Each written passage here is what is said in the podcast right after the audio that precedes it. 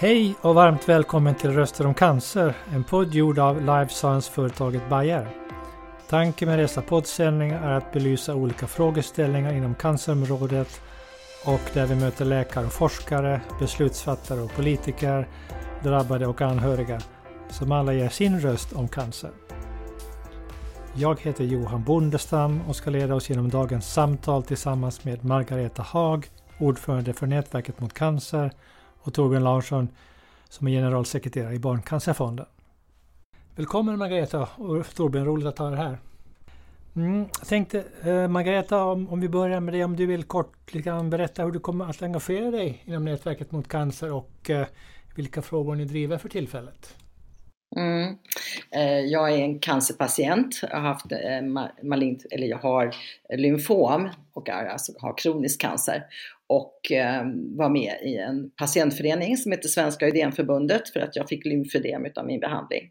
Och eh, vi gick med i nätverket mot cancer och sedan 2018 har jag varit ordförande för nätverket mot cancer. Och våra främsta frågor nu är prevention och rättvis jämlik vård och stärkta patienträttigheter.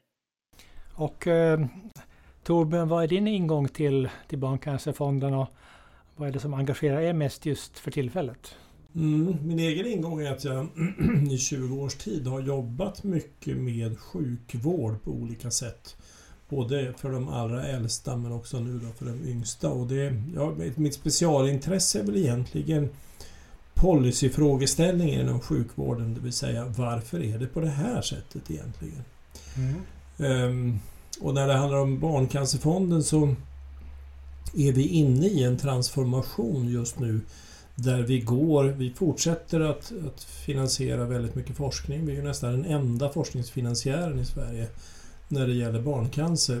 Men vi förstärker oss också och fokuserar mycket på att försöka hjälpa den som överlevt. Det är ju lätt att tro att, att överleva cancer gör att allting är frid och fröjd och så är det ju inte. Utan det är ju en mycket svår resa som för många är livslång och där vill vi också bistå och vara mer aktiva än tidigare. Och sen har vi en, en ambition att också hjälpa till i arbetet med att förändra de system som egentligen tar vid för en, en person med, ja, i det här fallet är det barncancer, det skulle kunna vara något annat också, det vill säga jobba med, med policymaking.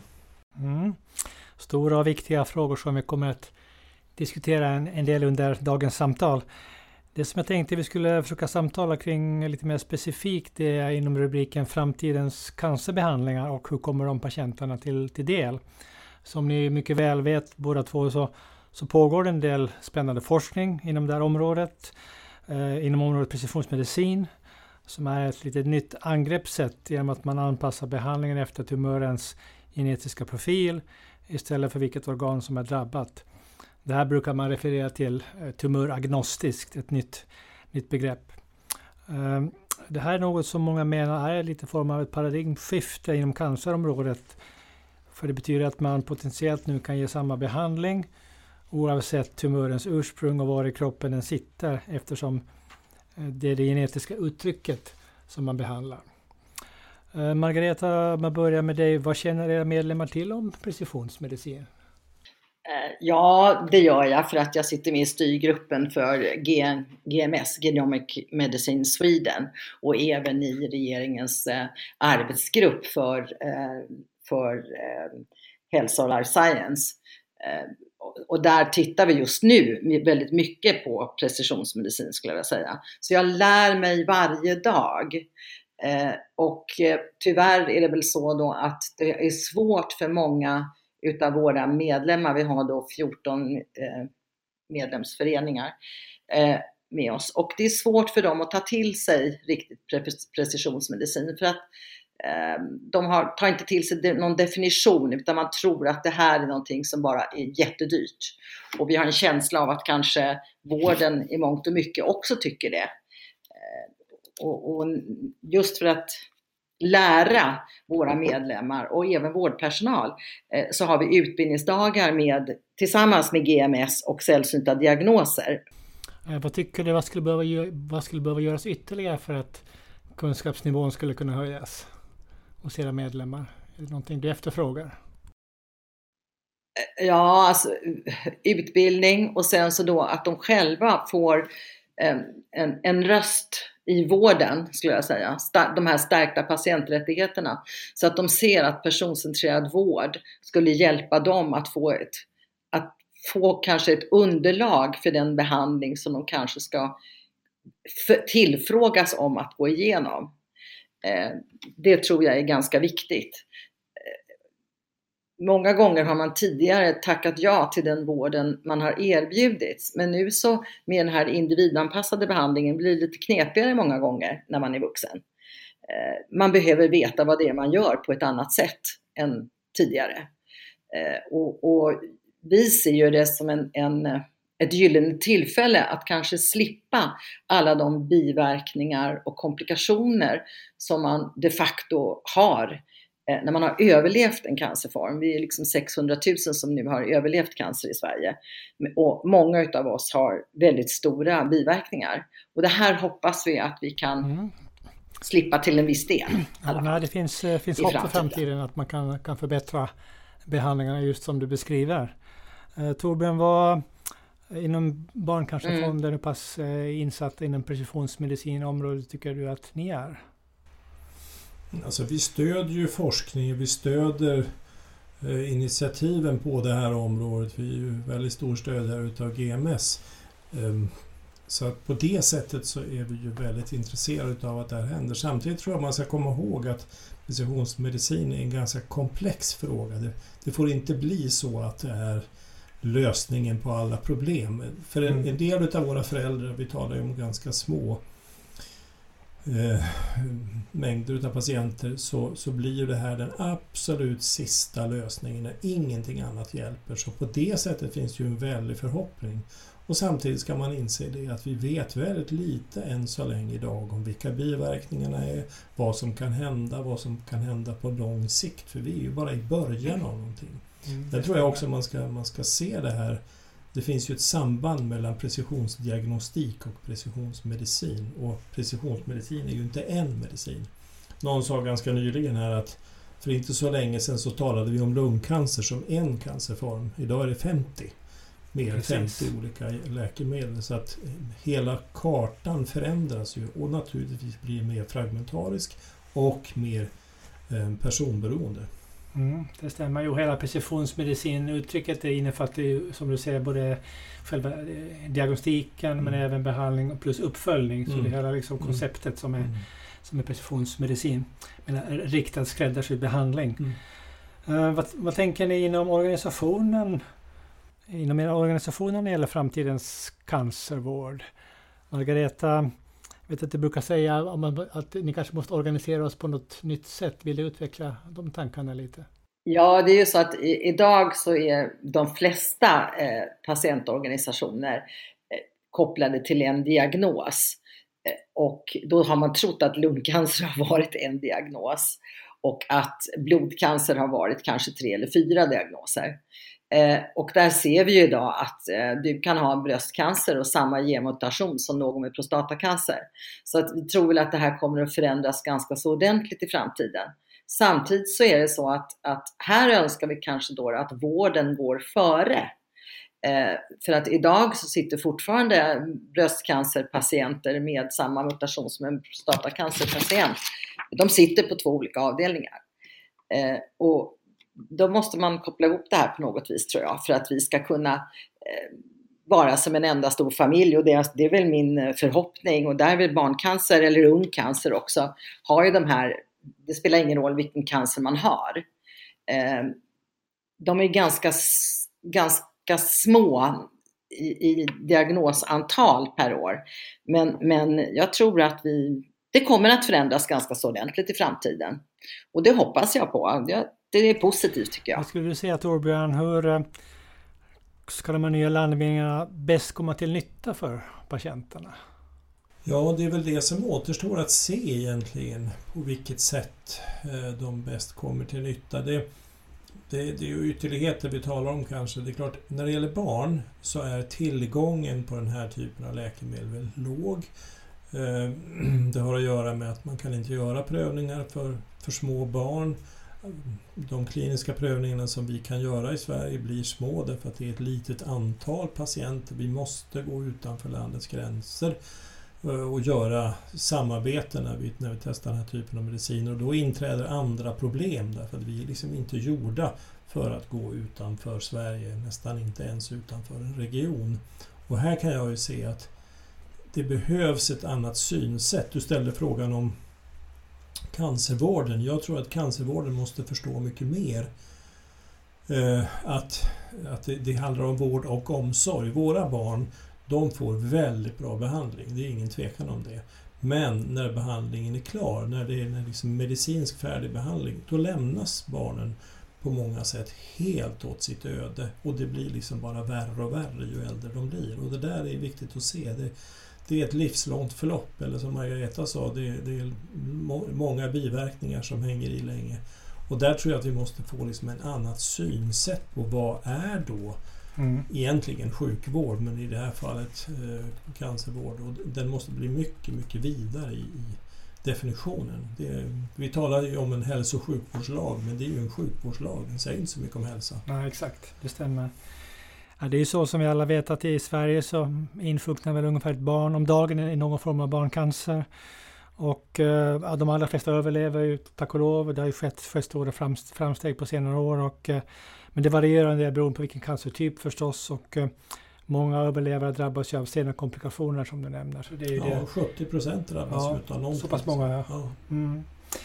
Det är väl ändå så att många svenska barn idag ingår i olika sådana analyser för att få sin, sin, sin äh, genetiska profil kartlagd så att man lite lättare kan, kan reda ut vilken typ av möjlig behandling skulle kunna vara, vara aktuell.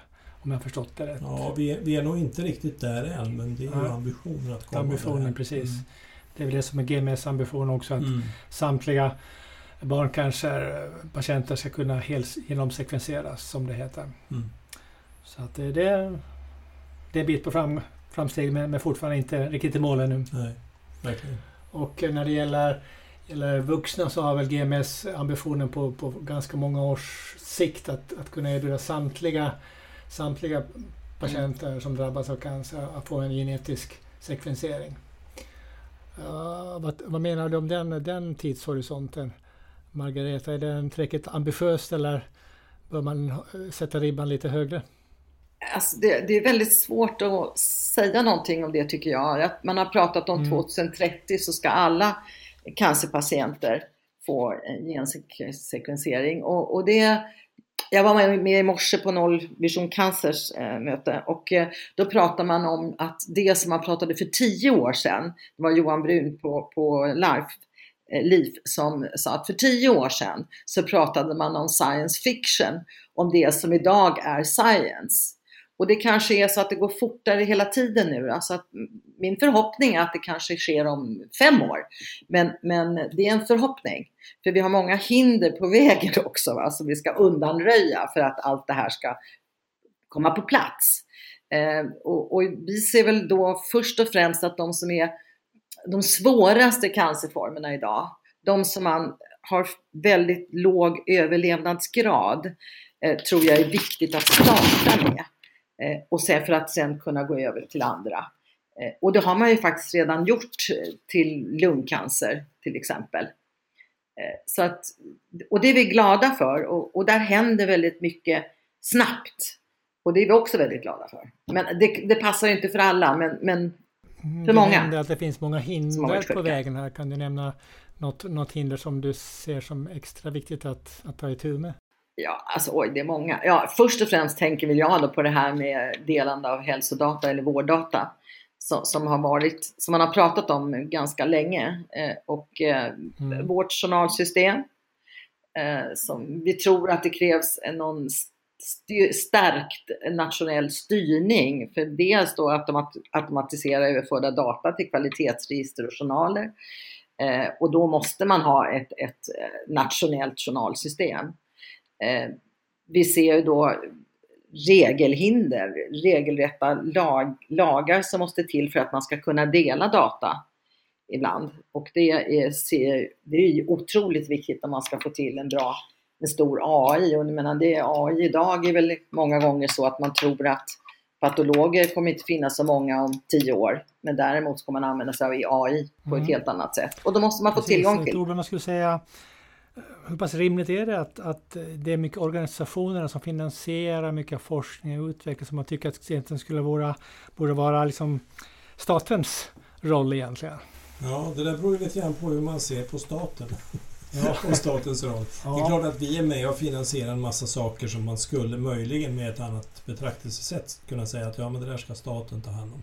Men man kan också säga det att ja, det är väl tur att, att det finns fria aktörer som är med och finansierar. Det gäller ju all forskning om man tänker efter att det mm. går in oerhört mycket pengar från diverse olika finansiärer i forskningen som inte alls är staten. Ja, bra eller dåligt? Ja. Ehm, jag tror att det går lite fortare för oss att få saker och ting att hända, vi som är fria aktörer som inte har några bindningar.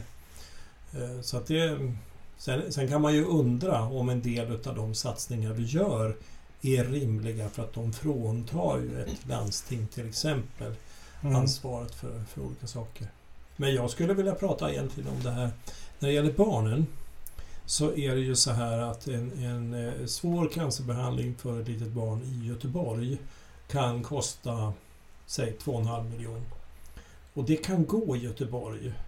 Därför att där kan en verksamhetschef säga okej, okay, då drar vi ner på personalen då. Det är ju dumt i sig, men det, det, är möjligt att moderera. Men händer samma sak i eh, Jämtland eller något sånt, så kanske inte det går. De pengarna finns inte. Alltså när vi talar storstilat om jämlik vård så gäller ju inte det de här typerna av behandlingar som i dagsläget är väldigt kostsamma. Och där skulle vi behöva titta på ett helt annat sätt. Mm. Kanske man skulle behöva ha någon form av nationell fondering eller på något sätt. För det är som du säger, det blir väldigt ojämlikt och men de olika regionerna har olika förutsättningar förstås. Det är ju, det är ju så.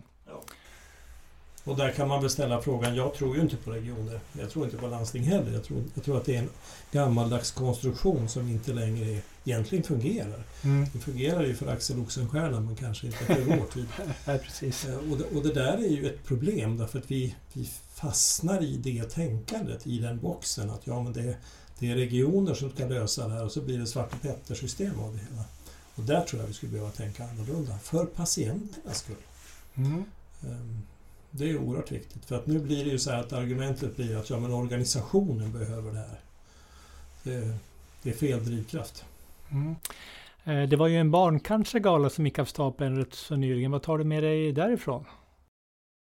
Att svensken är väldigt generös. Vi fick eh, in 7400 barnsupportrar. Räknar man på det så i runda slängar så betyder det 60 miljoner plus. Mm. Ehm, och att, att också många klarar... Vi, var ju, vi visade ganska mycket utav hur svårt och besvärligt det kan vara att ha ett barn med cancer. Och det eh, väckte mångas empati. Mm. För det är verkligen det värsta som kan hända på många sätt och vis. Mm, det stämmer. Det här med barnsupport, kan du förklara vad det går ut på mera konkret? Ja, då, det, det, det är vårt ord för månadsgivare. Okay. Det betyder att idag så har vi en snittgåva på, skulle jag tro, 115-116 kronor från drygt 60 000 personer i Sverige. Mm. Vi har ju upplevt en enorm generositet från svenskar. Vi lever bara på enskilda människors um, gåvor. Vi har ju inga medel någon annanstans Nej. ifrån och det är väldigt bra för då har vi en frihet. Det är fantastiskt på ja. sättet. Och då kan vi säga det vi vill säga också. Exakt. Behöver inte ta hänsyn till någon annan. Nej. Precis.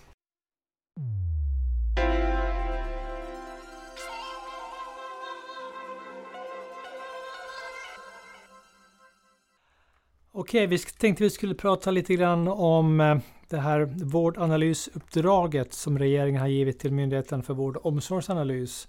De har ju fått nu ett uppdrag att analysera hur införande av precisionsmedicin har påverkat och även kommer att påverka hälso och sjukvården. Och eh, man ska försöka undersöka hur vägen från dagens hälso och sjukvårdssystem till framtidens system bör se ut samt vilka insatser som behöver genomföras idag och på lite längre sikt för att man ska kunna uppnå största möjliga nytta med precisionsmedicin för patienter och medborgare. Och målet för ett sådant här system är att det ska vara både jämlikt och även kostnadseffektivt. Och analysen ska presenteras i maj 2021. Eh, om jag kan börja med dig Torbjörn, vad hoppas du att ska stå i den här rapporten? Har du några ja, det kan man undra. önskemål? Det tror jag Johan på Vårdanalys undrar också. Alltså, man tänker så här, själva, själva meningen med att göra en utredning är ju att den ska vägleda beslut senare. Eh, och då kan man ju fundera på vilka beslut skulle det kunna vara som skulle vara bra för en regering att ha i ryggen. Jag tror att ett av besluten skulle vara att, att titta på finansiering, det vill säga en fondering på, på riksnivå. Vi är bara 10 miljoner människor i det här landet. Mm. Som gör att man kan finansiera det eh, som behövs för den som kan ta emot det. Det finns ju en grundtanke någonstans. Man kan tala om jämlikhet eh, och det kan leda till många associationer men en tanke är väl det att, att den människa som behöver ska få den behandling och den medicin som den kräver för att bli friskare eller må bättre eller till och med bli alldeles frisk. Alltså det, det är ju inte att alla ska få samma sak utan att, att behovet ska avgöra det hela. Eh, och det, så är det ju inte idag. Eh, och då måste man lösa det på systemnivå, då måste man säga att vi gör på ett annat sätt. Man kan inte skylla på kommuner eh, och landsting utan man får göra det här på ett hederligt sätt övergripande för hela landet. Om, om tekniken är en överenskommelse mellan regeringen och SKR, det vet jag inte. Men men det tycker jag är det första man kan önska sig. Sen tror jag att, att det, det, är så mycket data i precisionsmedicin så vi måste komma till rätta med att kunna dela data. Först i landet, mellan varandra, eh, så att, att det går att hantera data på ett vettigt sätt. Och, och det får man väl ändra lagstiftningen, men det är ju värt det därför att patienten mår bättre utav mm. att vi har en datadelning som är liksom ändamålsenlig. Sen tror jag att man måste göra det i en ännu större sfär, det vill säga man måste dela data också på europeisk nivå, för vi är för litet land. Eh, Sverige klarar inte själv att komma till den utveckling som vi önskar oss. Och om, om vi inte gör det, då kommer ju patienterna själva att söka sig bort från landet. Mm, och så tänkte det. vi kanske inte med, med det hela. Sen när det gäller um, alltså, man får ju fundera på vad är frågan? Svaret på allting är inte precisionsmedicin. Ehm, men kanske väcker det här ändå frågan om att ehm, sjukvården har ett större pensum än bara, bo, bara är fel ord, men, men att bota. Utan det är också det att, att klara att leva med sin cancer i det här fallet på ett rimligt sätt och se hur ska vi också kunna utveckla behandlingsformer för de seneffekter som många har, både vuxna och barn. Eh, hur ska vi jobba med rehabiliteringsforskning så att fältet egentligen blir större? Vi måste mm. kanske definiera om synen på vad hälsa är för någonting. Ja, ja men exakt. Margareta, hur går dina tankar inför den här rapporten? Vad, vad skulle du önska att, att konklusionen blir? Ja, jag skulle kunna citera Torbjörn nästan från början till slut där, för att det är det här, man måste tänka nytt och tänka om och, och se vad är hälsa? Eh, och dessutom så ska vården utgå från patientens behov och patientens perspektiv. Så jag hoppas väl kanske att, eh, att man större, att man poängterar och prioriterar personcentrerad vård i den här analysen, för att då tror jag att vi kan nå vi kan nå vården på ett bättre sätt kanske.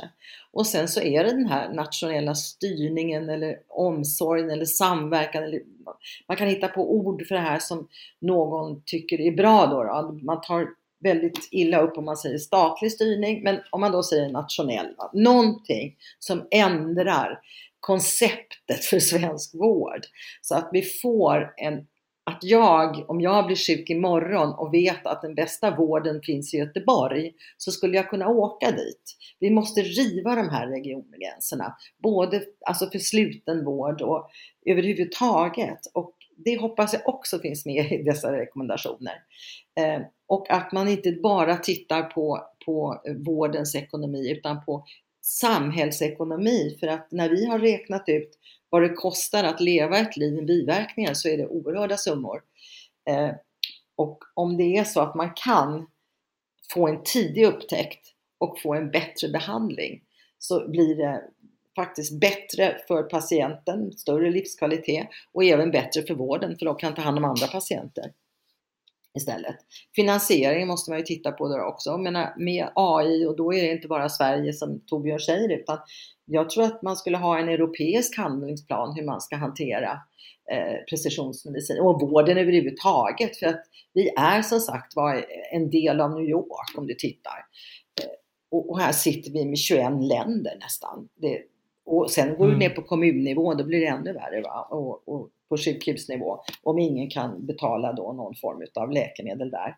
Det, det bör kunna gå att ha en nationell styrning, för det kan man i andra länder. Eh, och, och, även om man tycker här att det är väldigt viktigt att bibehålla det, så måste förr eller senare måste vi ändra på det. Och vi måste ha ett sammanhängande journalsystem. Och vi måste kunna ha kvalitetsregister så man kan mm, dela mm, den här datan. Viktiga frågor. Eh, Torbjörn, nu vill jag flika in någonting där. Ja, nej, men jag, håller, jag håller med vad Margareta säger till 100%. Men jag tänker det finns också en, en sida i det här som naturligtvis är lite tuff att ta i, men det är ju lagstiftningen omkring patient. Det vill säga den patientlagstiftning vi har, mm. som är ju oerhört svag. Mm. Alltså patientens rätt att, att, att vara del i sin egen vård är ju oerhört svag i vårt land. Och det är naturligtvis praktiskt för, för makthavaren, men det är väldigt dåligt för patienterna. Och om vi önskar oss på riktigt en vård som ställer patientens väl och ve i centrum, då måste vi också ändra på patientlagstiftningen. Det är det ena. Och sen tänker jag att, att det är ju ett gyllene tillfälle att låta sjukvården komma till patienten och inte tvärtom. I vårt avlånga land så blir det försvårande faktorer, apropå jämlikhet, så, så ska man ju bygga på en, en, digital vård och passa på nu när vi ändå är benägna att lära. Det blir lite fånigt när alla är stressade över Kry-appen just nu. De har ju gjort det alla önskar sig. Mm. Um, och sen att de gamla systemen inte hänger med, men det behöver ju inte vi bry oss om. Och där tycker jag det finns mycket att göra. Man så måste en sköra patienter flyttas hit och dit eller leta sig till där det är bäst. Det är bättre att vården kommer hem då via det digitala så långt det går. Och det finns mycket kvar att göra där. Det lät som du ville säga någonting Margareta där, kanske också flika in någonting. Ja, men det är ju de här stärkta patienträttigheterna som vi har då nästan tjatat om sedan eh, Nätverket mot cancer startade 2009 var det väl va? Och eh, eh när patientlagen kom så, så var det faktiskt så att man hade någon form av illusion av att nu skulle det hända någonting. Men det gjorde inte det i patientens lagstiftning. Det var, det, den är skral. Rättigheter, rättigheter finns men inga skyldigheter för regionerna att tillse att man får den här vården. Eller så så att eh, det behövs stärkta patienträttigheter. Mm. Definitivt. Bra. Um, Ska vi byta ämne lite grann och gå in på eh, lite grann kring eh, introduktion och kostnadsperspektiv. Vi vet ju alla idag att regionerna har ett svårt ekonomiskt läge, inte minst på grund av coronasituationen, men det var även svårt före det. Och framtiden ser väl inte så alldeles ljus ut heller för, för regionernas hälso och sjukvårdsekonomi. Och läkemedel brukar ibland omnämnas som väldigt dyra trots att de endast utgör kanske cirka 10 procent av, av regionens budget. Mm, hur ser ni på det här med lä kring läkemedelskostnader? Eh, är det en viktig, vikt, viktig aspekt och hur kan man hantera den? Den är jätteviktig för, för patienterna. Eh, idag så händer det ju faktiskt att, att man får inte den man får inte det läkemedlet som man har behov av på grund av att det kostar och det kan ju gå ända ner till sjukhusnivå. Eh, så det är klart att det, det är jätteviktigt. Eh, men jag tror att, att det finns möjligheter att tillse att patienterna utefter behov kan få del utav de, de medicinerna som är dyra. Alla är ju inte det. Eh, men de som idag kostar enormt mycket pengar, om man tittar då på eh, livet, om, nu tittar jag på barncancer då, så, så är det faktiskt så att barn kan leva ett helt liv sen. Så är det fantastiskt. Men det, jag sitter med i TLVs insynsråd och, och vi diskuterar inte pengar på olika läkemedel. Men samtidigt så förstår jag att det är jättesvårt om någon är eh, 78 år och man vet att nu kanske han får 18 månader istället för 12 det är jättesvåra beslut att fatta om det nu är massor med pengar som, som, som rasar iväg då. Eh, men, men i stort så tror jag att vi kommer att klara det eh, genom bättre arbetsmetoder, bättre arbetssätt, bättre arbetsverktyg. Eh, att arbeta på annat sätt också. Eh, Torbjörn, vad tänker du, hur ska regionerna lösa introduktionen av precisionsmedicin på ett rättvist och jämlikt sätt? Det enklaste är väl att lösa upp regionerna så att de inte existerar. Det är ju en lösning som är mm. ganska abrupt. En, kraftig operation men den skulle vara ganska effektiv. Alltså jag tror ju återigen att det handlar om att, eh, och det är ju där vi är nu, vi kommer inte vara på samma ställe om tio år, att eh, hitta en, en nationell fondering på något sätt så att man kan betala. För Problemet är ju att så fort jag vet att det finns en metod, en behandling, en medicin som kanske kan hjälpa så, så strävar ju alla efter den. Det här, att inte göra det blir ju också demoraliserande för sjukvården. Mm. Som på något sätt ska sitta själv och bedöma, ja men ska han få eller hon få? Eh, hur mycket kostar det här? Alltså, man får ju en intern diskussion som jag tror ris alltså, raserar innehållet i sjukvården som sådant.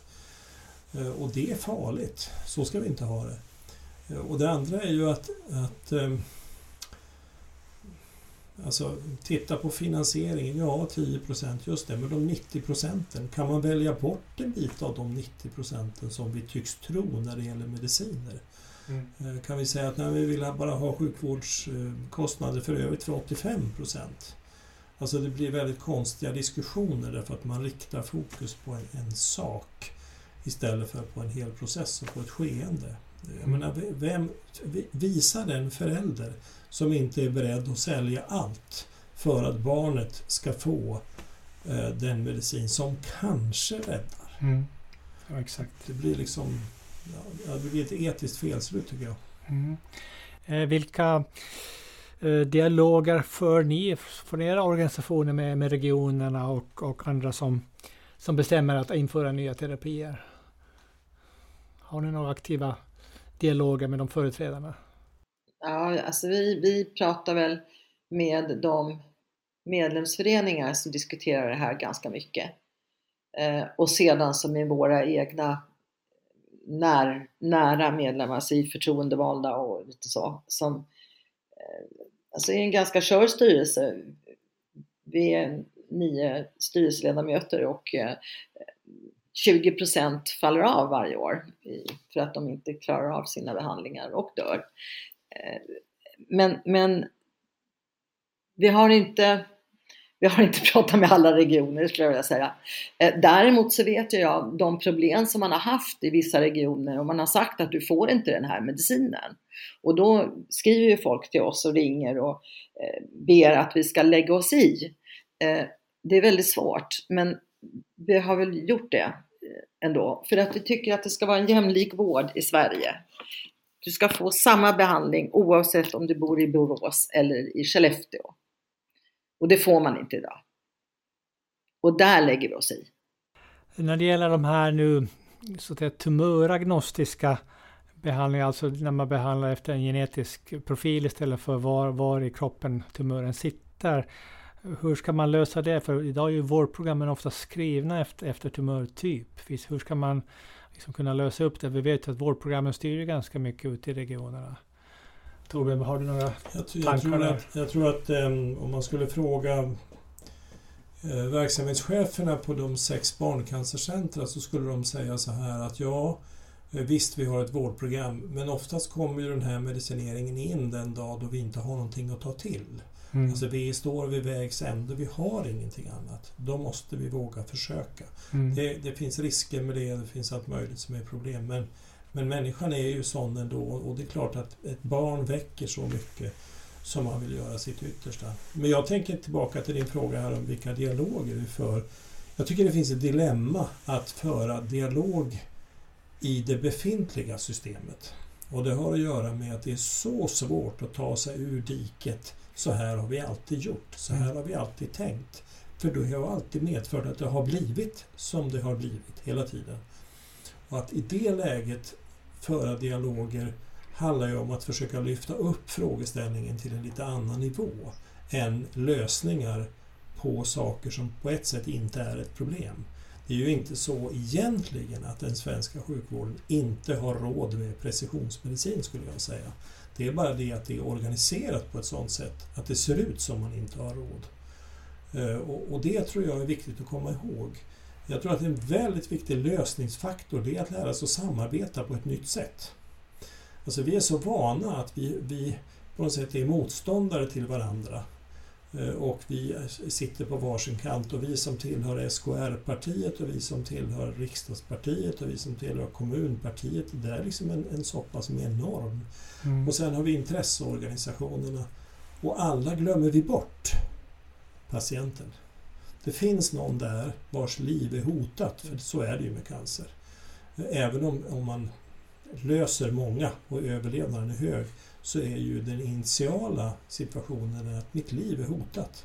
Då borde väl alla hjälpas åt. Då borde väl även eh, kan säga, registren eh, som finns, jag kan tala för barn, för jag medfinansierar dem, mm. egentligen öppna sig på något sätt också för läkemedelsbolagen så att det blir lättare att komma med nya mediciner.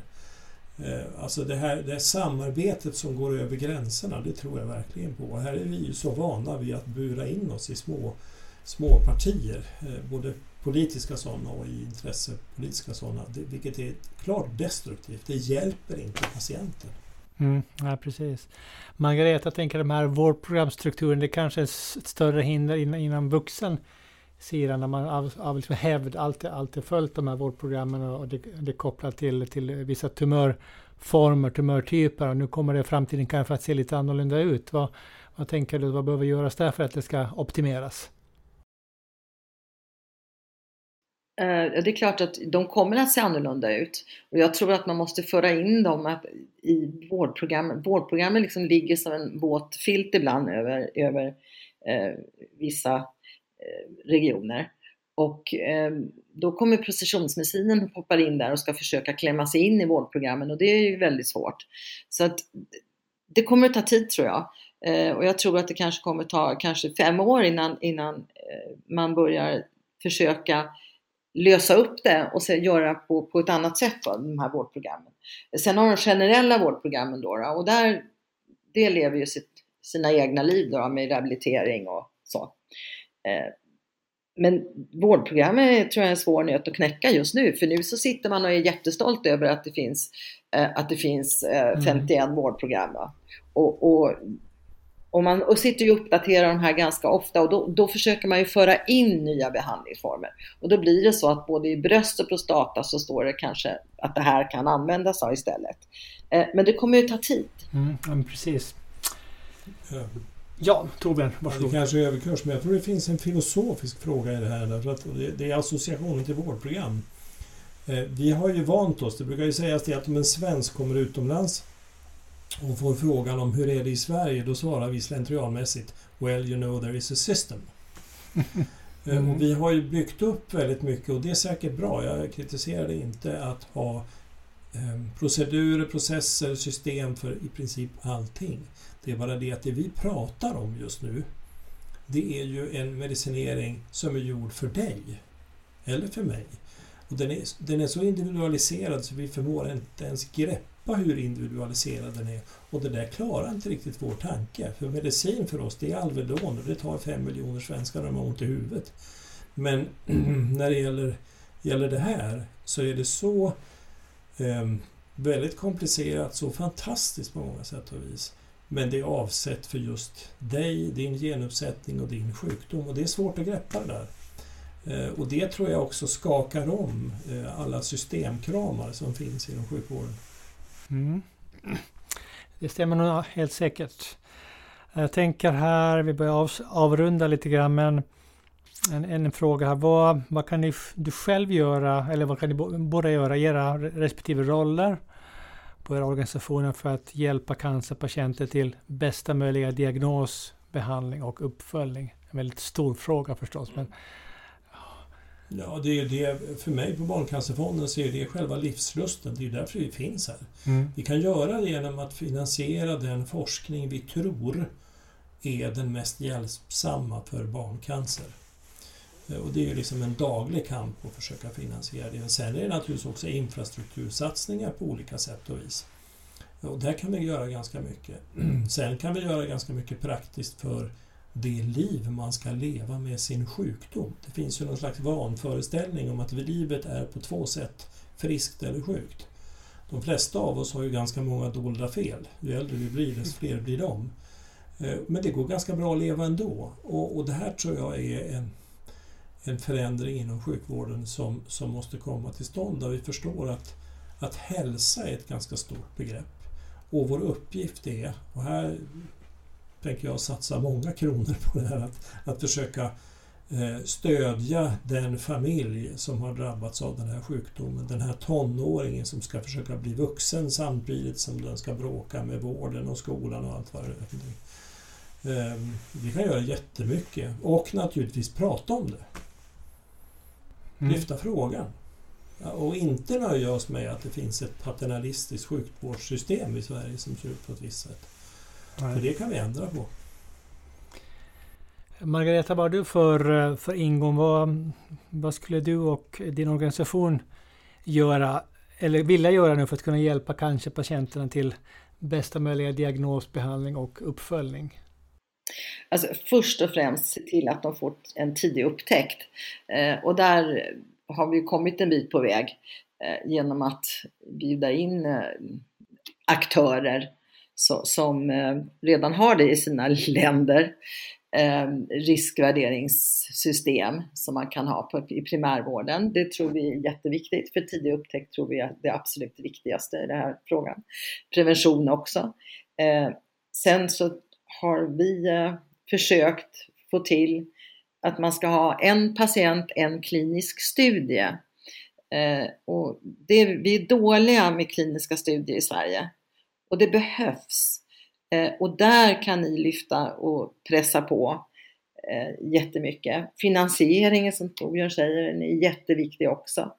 Eh, samarbeta med andra aktörer för att nu sitter vi i två patientföreningar här, men vi då, alltså man, man är med i Forska Sverige, Leading Healthcare, vi är med i ganska många konstellationer, så träffar man ju från alla olika eh, professioner och från in, intressenter. Men tillsammans kan vi göra ganska mycket. Men när vi sitter där i våra stupstockar så händer liksom ingenting. Eh, och när det gäller det här systemet, den svenska sjukvården, så är det ju så att det heter healthcare i, på engelska. Och det här behöver vi också, tror jag, lära oss att jag fick höra i 15 år att jag var i palliativ fas 1. Och det var faktiskt inget trevligt att höra det. Och, eh, och nu äntligen så pratar man om kronisk cancer. Men det gjorde man inte för 20 år sedan. Utan då var man palliativ. Och det är också ett tankesätt tror jag som ändrar sig då också. Jaha, kan man alltså leva med det här? Och det kan man ju faktiskt. Man kan leva bra, man kan vara sjuk fast man, man har bra hälsa. Så det är bemötande och, och tankesätt och kultur, hela kulturen måste ändras mm. tror jag i svenska sjukvården. Stort tack till båda för väldigt spännande och intressanta diskussioner som uh, åtminstone har fått mig att tänka ett varv extra vad man skulle kunna ytterligare för att förbättra situationen. Nu i nästa avsnitt uh, av vår poddsändning så ska vi prata med Nils Wilking och Lars Sandman och de är ju bekanta personer för er förstås. Nils är ju docent och onkolog och har varit verksam i ja, 40 år ungefär och eh, han har även tidvis varit verksam inom läkemedelsindustrin och även fungerat som verksamhetschef för, för en cancerklinik.